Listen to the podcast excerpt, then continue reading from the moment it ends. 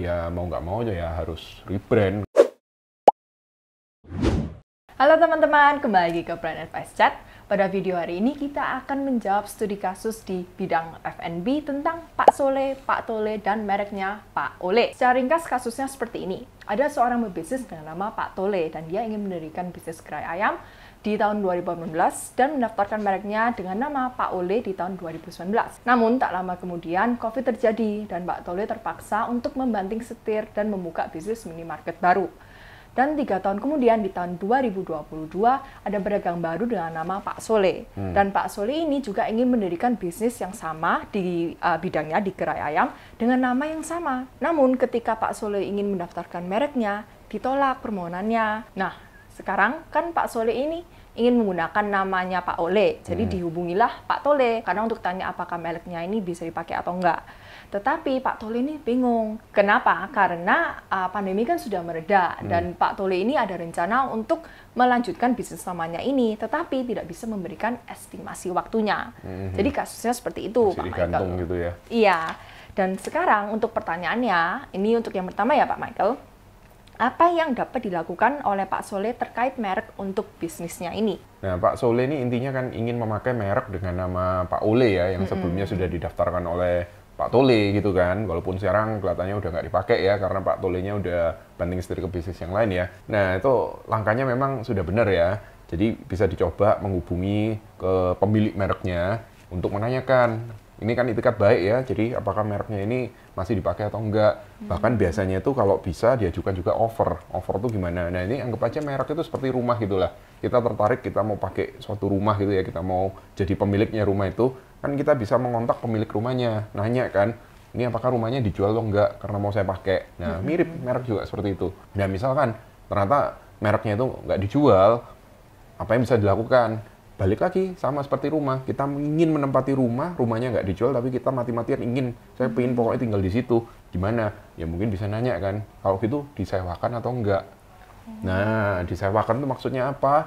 Kalau dalam ranahnya merek bisa istilahnya dilakukan yang namanya lisensi. Jadi mungkin minta lisensi untuk memberikan izin kepada Pak Tole untuk menggunakan nama Pak Ole tersebut itu bisa juga ditawarkan seperti itu. Jadi kalau sudah ditandatangani suatu perjanjian lisensi ya, istilahnya jadi dari pihaknya pemilik merek memberikan izin kepada penggunanya ini atau penerima lisensinya ini untuk menggunakan merek tersebut. Itu bisa juga hmm. dilakukan caranya seperti itu. Nah, tadi kan sudah ada dua cara ya. Jadi yang pertama bisa mungkin dihubungi lalu menanyakan apakah mereknya dijual. Kalau misalkan nggak dijual, bisa mungkin dicoba menanyakan apakah disewakan atau bisa diberikan lisensi gitu ya kepada pihak yang ingin menggunakan mereknya ini.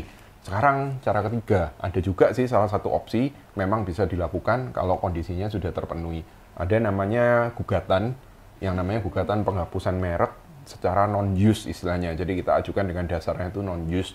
Maksudnya apa? Jadi suatu merek yang tidak digunakan selama tiga tahun berturut-turut dalam perdagangan barang atau jasa itu bisa diajukan oleh suatu pihak untuk minta ke, eh, ke pengadilan untuk dilakukan penghapusan gitu.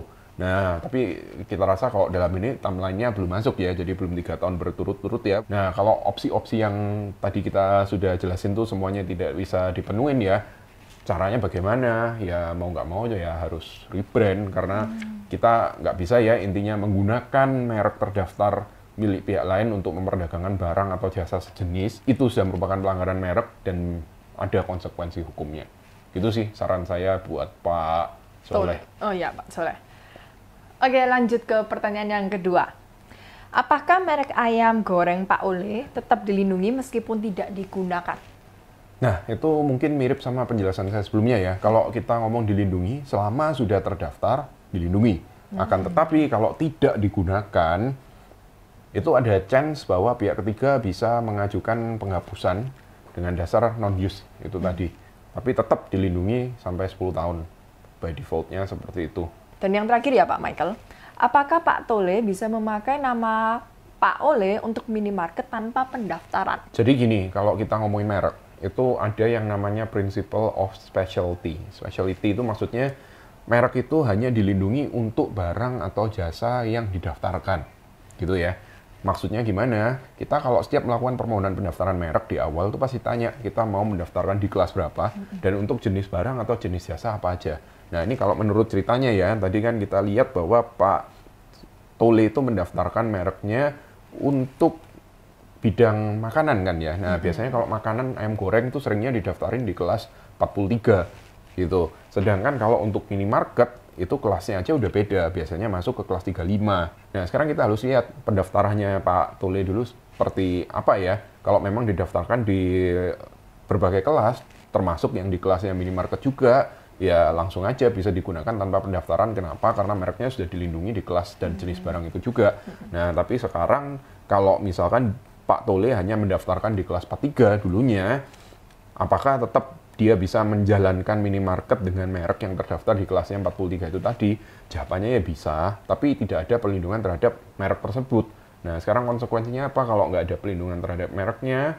Jadi si Pak Tole ini ya kalau misalkan dilanggar mereknya oleh pihak lain, itu dia tidak punya legal standing ya karena dia nggak bisa menggunakan sertifikat di kelas 43 itu kalau misalkan kirim somasi atau bahkan mengajukan gugatan ya pasti dibilang bahwa tidak dilindungi karena barang dan jasanya tidak sejenis gitu. Karena kan minimarket um, lalu restoran fast food ayam goreng kan berbeda ya.